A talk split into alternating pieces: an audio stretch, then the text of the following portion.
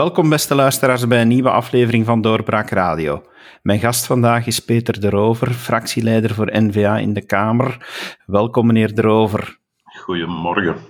Als we het hebben over vrije meningsuiting, dan denk ik dat we het hebben over iets wat u wel heel belangrijk vindt. Waarom eigenlijk? Ja, kijk, eh, ik denk dat dat toch wel een van de pilaren is waarop onze samenleving ehm, opgebouwd is, ons democratisch bestel ook. Ehm, het hele idee dat je weliswaar eerst over dingen nadenkt, hè, zo hoort dat wel. Daar is soms misschien uh, in onze driftige sociale mediawereld wel wat nood aan. Maar vanaf het ogenblik dat je een mening hebt opgebouwd, dan hoor je die ook in, uh, in de wereld te smijten. En uh, dan moet je natuurlijk ook klaarstaan voor reacties. Hè. Ik denk niet dat een normaal vrij debat uh, kan beperkt worden door te zeggen: Ik voel mij beledigd door uw mening. Uh, ze is mij onwelgevallig. Uh, we hebben in de geschiedenis vele voorbeelden gekend van meningen die op dat ogenblik op zere tenen hebben getrapt. Waar daarna is gebleken dat die toch zo gek niet waren. Dus je kan dat moeilijk, denk ik, op, op een weegschaal leggen tussen wat wel en niet mag gezegd worden. Dus het uitgangspunt, het uitgangspunt van onze westerse democratie is de vrije meningsuiting geeft u het recht om die dingen in de groep te gooien uh, waar u van overtuigd bent. Maar zoals met vele vrijheden is zulk recht niet absoluut. Daar zijn ook beperkingen mhm. wel aan. Uh, en eigenlijk momenteel wordt er enorm gediscussieerd op wat de beperking op die vrije meningsuiting kan zijn. Waar legt u ergens de grens?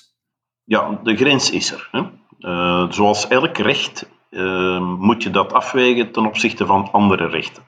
Heb ik het recht om, ehm, om laster te verkondigen? Mag ik zeggen dat, uh, dat iemand pedofiel is, terwijl dat niet het geval is, terwijl dat natuurlijk uh, die persoon uh, toch wel eh, ja, confronteert met, met, met, met een manifeste onwaarheid.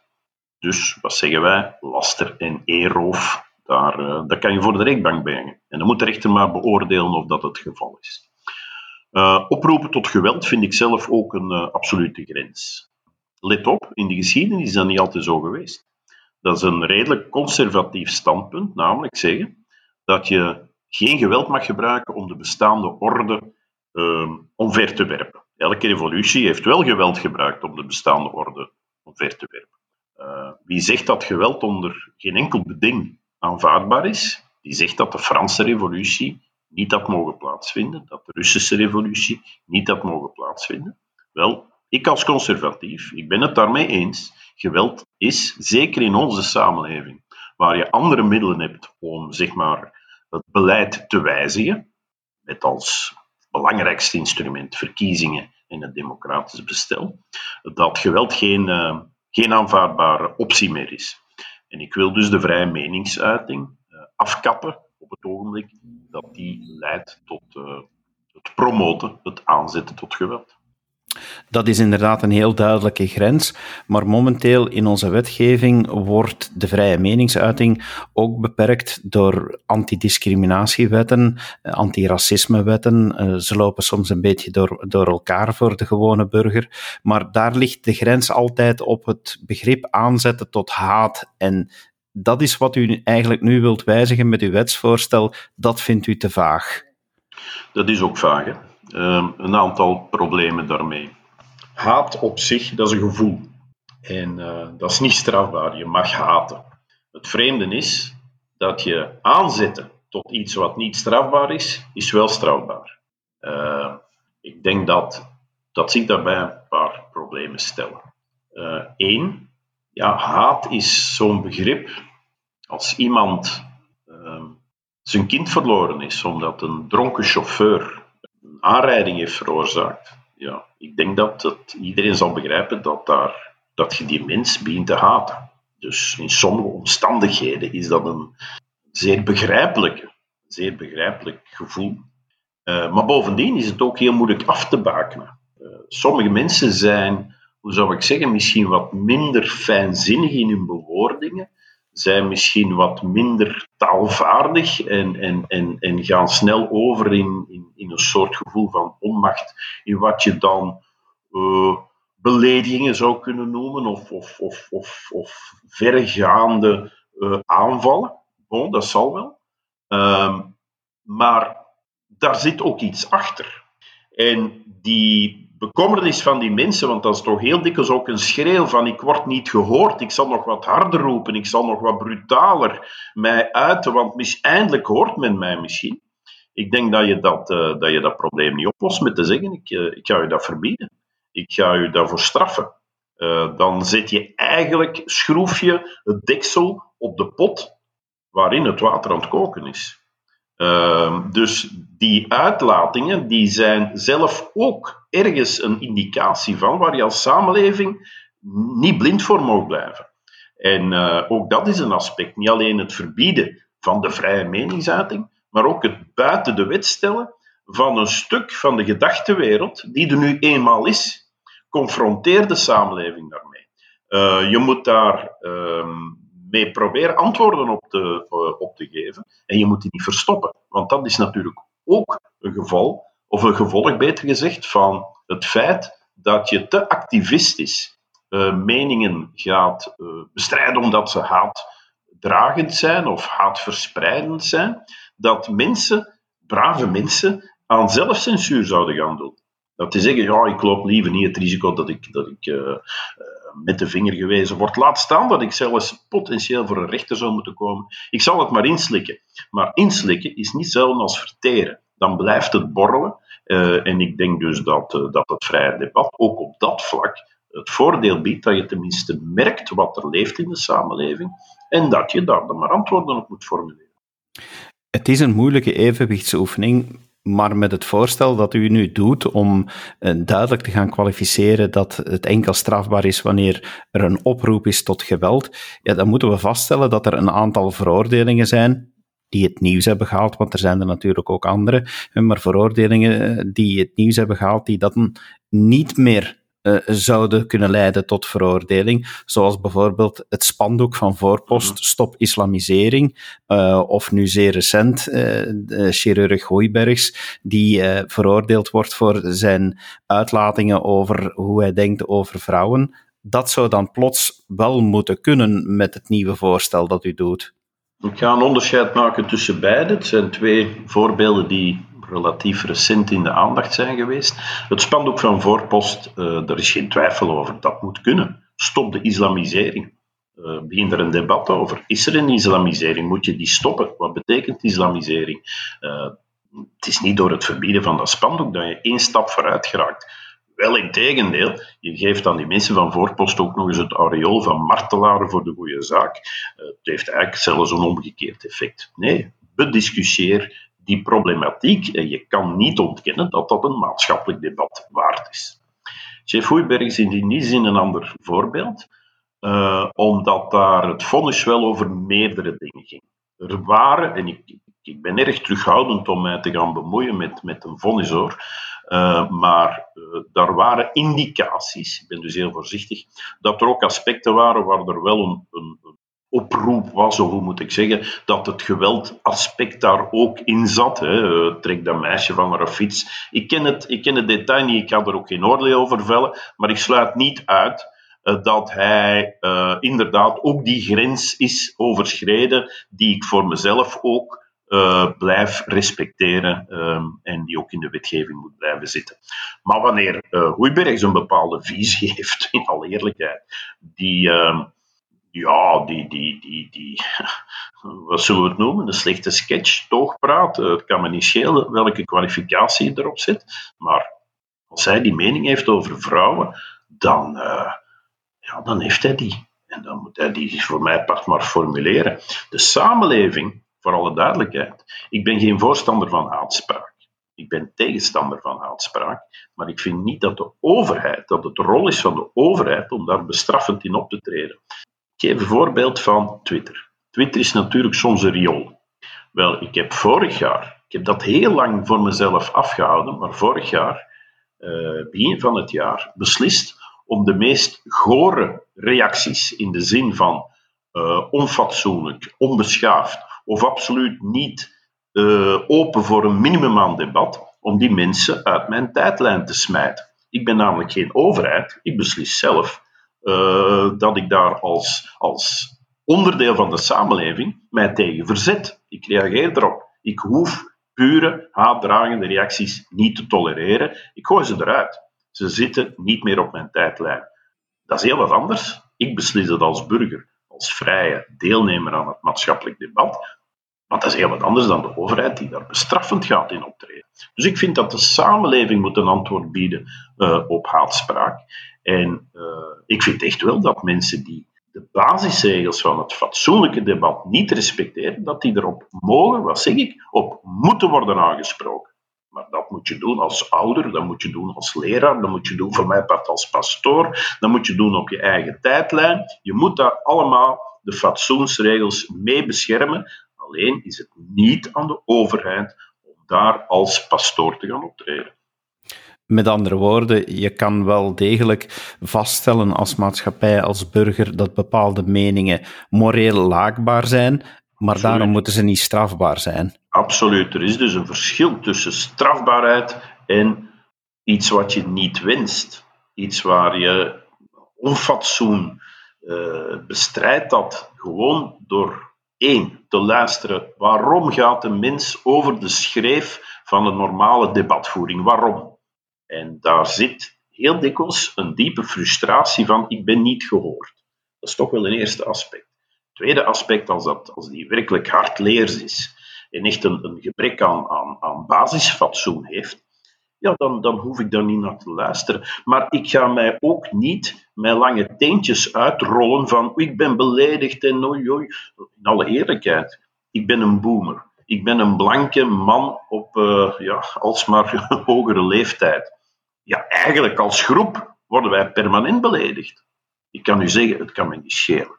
Als men mij wil disqualificeren als blanke, uh, cisgenderige boomer, ja, dan moet men dat maar doen. Uh, daar ga ik echt niet voor wenen bij de rechter.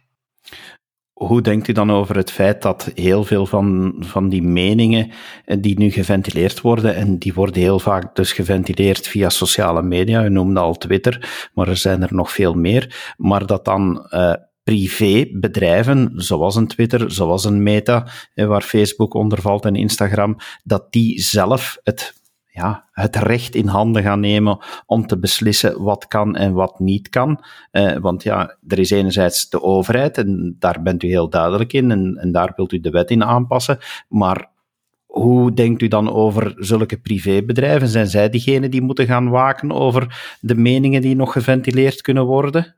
Dat is een uh, heel interessante vraag en hebben we dit jaar ook over gehad, parlementair, met de zogenaamde Europese Digital Services Act. Daar ga je nog van horen, um, want dat is een instrument dat men Europees aan het uitbouwen is, waar ook goede dingen in zitten trouwens. Uh, maar waarin die bedrijven zelfs door de overheid worden aangezet om aan censuur te doen. Want wat is de logica van die Digital Services Act? Dat is dat uh, sociale mediabedrijven die tussen aanhalingstekens niet te tolereren inhoud wanneer ze die niet van hun uh, platformen halen, dat ze daarvoor kunnen worden aangesproken. Dus zij moeten gaan uh, censureren van, van de Europese overheden. en om te vermijden dat ze de beboet worden, zouden ze dan, als ik dat bedrijf was, best een stukje meer censureren dan een stukje minder. Dus de overheid zet hen zelfs aan om aan censuur te doen ik heb mij daartegen verzet, maar daar is door de meerderheid, de uh, uh, paars-groene meerderheid, heeft daar een resolutie in het parlement over. Dus we moeten daar ook heel aandachtig voor zijn dat daar een combinatie ontstaat tussen de overheid en die sociale media, giganten, uh, die als het ware moeten optreden als rechter.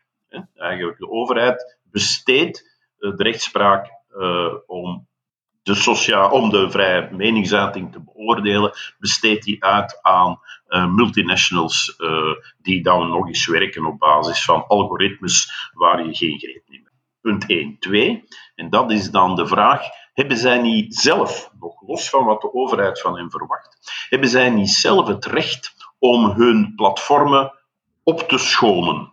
Hebben zij er niet zelf? Uh, in principe zeg ik daarop ja. Maar de facto zijn die vandaag uitgegroeid tot monopolie bedrijven in de, zou ik zeggen, de markt van de uh, meningverdeling. Voor de vele mensen zijn dat, zijn dat de, de unieke mogelijkheden om zich tot een ruimer publiek te wenden. Dus in die zin zijn dat eigenlijk niet meer puur privébedrijven, vind ik. Zij hebben namelijk een meningen, een platformmonopolie. Geen meningen, een platformmonopolie. En dat wil zeggen, wanneer dat ik eigenlijk eerder de omgekeerde richting zou willen uitgaan, niet zozeer hen verplichten om te gaan censureren, dat het eigenlijk, als je dan die grote omvang hebt gekregen, als je dan een feitelijk monopolie hebt, dan heb je eigenlijk ook de verplichting om een minimale dienstverlening aan te bieden. Uh, en dus ook wat dat betreft een grote tolerantie aan te dag te leggen uh, in wat er op die dingen gebeurt. Vreest u nu niet dat u als indiener van deze, eh, dit wetsvoorstel, om die grens duidelijk te maken eh, en de grens te leggen op oproepen tot geweld, dat u voor de voeten gaat geworpen krijgen dat u in het verleden zelf hebt opgeroepen om toch heel duidelijk uh, standpunt in te nemen? Want ja, als u de grens hier nu duidelijk inlegt, dan mag bijvoorbeeld wel een imam heel duidelijk in zijn vrijdagpreek zeggen dat hij homofilie verwerpelijk vindt en dat homo's zondig leven want dat is geen oproep tot geweld. Ja, ik vind ook dat die dat moet kunnen. Dat, uh, ik ben er voorstander van, ben er altijd voorstander van geweest. Ik heb wel op een bepaald ogenblik het debat gevoerd hoe we omspringen met steunbetuigingen aan terreur. En aan, uh, hoe zou ik zeggen, initiatieven om ons democratisch bestel uh, te gaan veranderen. En daar denk ik dan hebben we het niet meer over de persoonlijke vrije meningsuiting, dan hebben we het over de bescherming van ons, ons bestel als zodanig. Uh, dus ik tolereer uiteraard niet dat iemand oproepen doet om uh, terrorisme, van welke aard dan ook hoor. Ook niet moslimterrorisme, maar ook geen, geen, geen andere vormen van terrorisme. Uh, dat valt heel duidelijk onder geweld, dus dat, dat, dat, dat, daar hebben we het over gehad. En in tweede instantie moet je je systeem natuurlijk verdedigen. Uh, ik bedoel daarmee ons democratisch stelsel. Uh, wie daar uh, fundamenteel dat wil omverwerpen, die stoot natuurlijk wel op een grens waar we toch niet al te extreem tolerant in moeten zijn. Want dan word je een beetje, ja, al te goed is buurmans gek, zegt men dan. en ik denk dat dat toch wel een fundamenteel ander debat is dan de vraag hoe een individu zich in het maatschappelijke debat mag profileren. Maar ik herhaal het. En dat kan misschien sommigen wat verrassend in de oren klinken, maar van mij mag een imam in zijn prediking uh, over homo's en, en vrouwen en, en, wat dan ook, bij manier van spreken zeggen wat hij wil, zolang er geen geweld uh, oproep aan verbonden is. En dan zullen wij er als samenleving echt wel op reageren. Uh, en dan is het debat open. Die imam dat gaan verbieden en daarna zeggen want dan, dan, dan, dan mis je ook de informatie van wat er gaande is, in, bijvoorbeeld in die gemeenschappen. Uh, voor alle duidelijkheid, ik wil nog één bijkomende noot geven. Uh, mensen die vanuit het buitenland naar hier worden gebracht. Soms is dat het geval bij imams. Uh, daar vind ik nog wel dat, dat je daar dat opruiing dat je daar ook nog eens even over moet nadenken of, of, of, of daar de, dezelfde normen gelden. Maar uh, ik heb er geen probleem mee dat iemand ouderwetse of nieuwerwetse of belachelijke uh, standpunten verdedigt. Ik heb er ook geen probleem mee dat iemand zegt dat dergelijke imam de mond moet gesnoerd worden. Of dat een professor van de universiteit moet gestuurd worden omdat hij te conservatieve opvattingen heeft. Dus ook die richting mag van mij aan bod komen.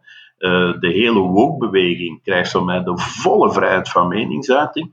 Maar wanneer zij erop gericht zijn om te gaan cancelen, om mensen dus uit het debat weg te smijten, om, om de deur dicht te smijten, om hen uh, mond dood te maken, dan, ja, dan moeten we niet meegaan. We moeten er inderdaad, en u merkt dat terecht in, moeten daar wel consequent in zijn de vrije meningsuiting kan je niet alleen opeisen voor je eigen meningen. Dat is te belachelijk voor woorden. Um, je moet die zelfs vooral opeisen voor meningen waar het een beetje moeilijk mee dit voorstel dat u nu doet, dat is heel duidelijk. Uh, daar zit een, een, duidelijk idee achter.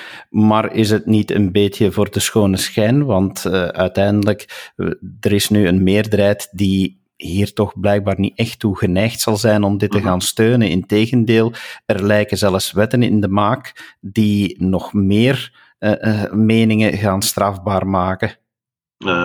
Zelfs is op dit ogenblik, ik heb daar Didier Reinders, toen hij als eurocommissaris enkele weken geleden hier in het parlement eh, te gast was over bevraagd. In Europa wil men eh, de haatspraak zelfs bevorderen, tussen aanhalingstekens, tot Europees misdrijf.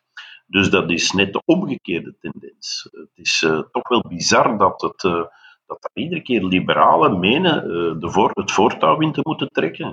Reinders ik weet het niet, is toch iemand die liberaal wordt genoemd. In ons land is dat de minister van Justitie van Quickenborne, die daar heel activist is uh, als een, een, een, ja, een liberale, tussen aanhalingstekens, uh, beoordeler van wat mag en niet mag, bestraffend, bestraffend, bestraffend wil optreden. Uh, er is iets uh, in ons drinkwater dat, dat maakt uh, dat liberalen, uh, ja, dat er een soort kortsluiting plaatsvindt in hun hoofd, heb ik de indruk. Maar niet alleen bij ons, dus ook op Europees niveau is dat ik besef heel goed dat een wetsvoorstel neergelegd vanuit de oppositie relatief weinig kans maakt. Ehm, maar ik zou dan toch wel eens willen dat iedereen de kaarten op tafel legt, zodanig dat de publieke opinie kan zien hoe men over over de vrije meningsuiting denkt. Eh, en iedereen heeft er de mond van vol, ook degene die ik net genoemd heb, dat ze voor dat principe staan, dat ze, maar als het in de praktijk op neerkomt, ehm, dan, ehm, ja, dan maken ze toch wel de verkeerde keuzes. Mag ik tegen die achtergrond even meegeven dat ehm, het debat over het bestraffen van hate speech, dat debat is gevoerd na de Eerste, Tweede Wereldoorlog bij de opstelling van de Universele Verklaring van de Rechten van de Mens. En toen is dat er niet in opgenomen. Dat is in de jaren 60 wel opgenomen in verdragen en dergelijke, onder impuls van de toenmalige Oostbloklanden. Het was de Sovjet-Unie die daar voortdurend uh, probeerde dat in de teksten te moffelen. En het was het Westen dat daar uh, tegen gestemd heeft, uh, maar in, op een bepaald ogenblik in de minderheid gesteld is omdat men in de Sovjet-Unie natuurlijk uh, elke dissidente mening meteen onder de haatspraak kwalificeerde.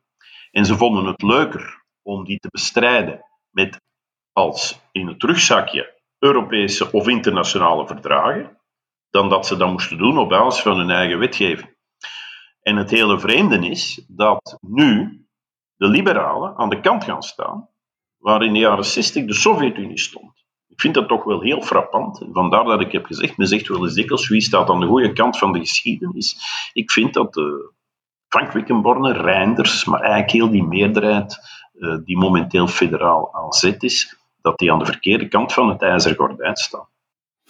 Uw voorstel heeft inderdaad het voordeel van de duidelijkheid en hopelijk komt daar een degelijke discussie van, want zoals u zegt, de vrije meningsuiting is veel te belangrijk om ze zomaar onder de mat te vegen en achter een groot gordijn eh, te gaan bespreken. Dus uh, super dat er toch iemand is die daarvoor opkomt, meneer Drover. Dank u wel dat u de tijd hebt genomen om dat even toe te lichten in onze podcast. Dank u wel, graag gedaan. En u, beste luisteraar, u merkt dat wij ook dit onderwerp blijven volgen. Als u daar meer wil over weten, blijf dan afstemmen op onze podcasts. Graag tot de volgende keer. Dag. Dit was een episode van Doorbraak Radio, de podcast van doorbraak.be. Volg onze podcast op doorbraak.be/radio of via Apple Podcasts, Overcast of Spotify. Bezoek ook onze website op doorbraak.be en steun ons door een vriend te worden van Doorbraak.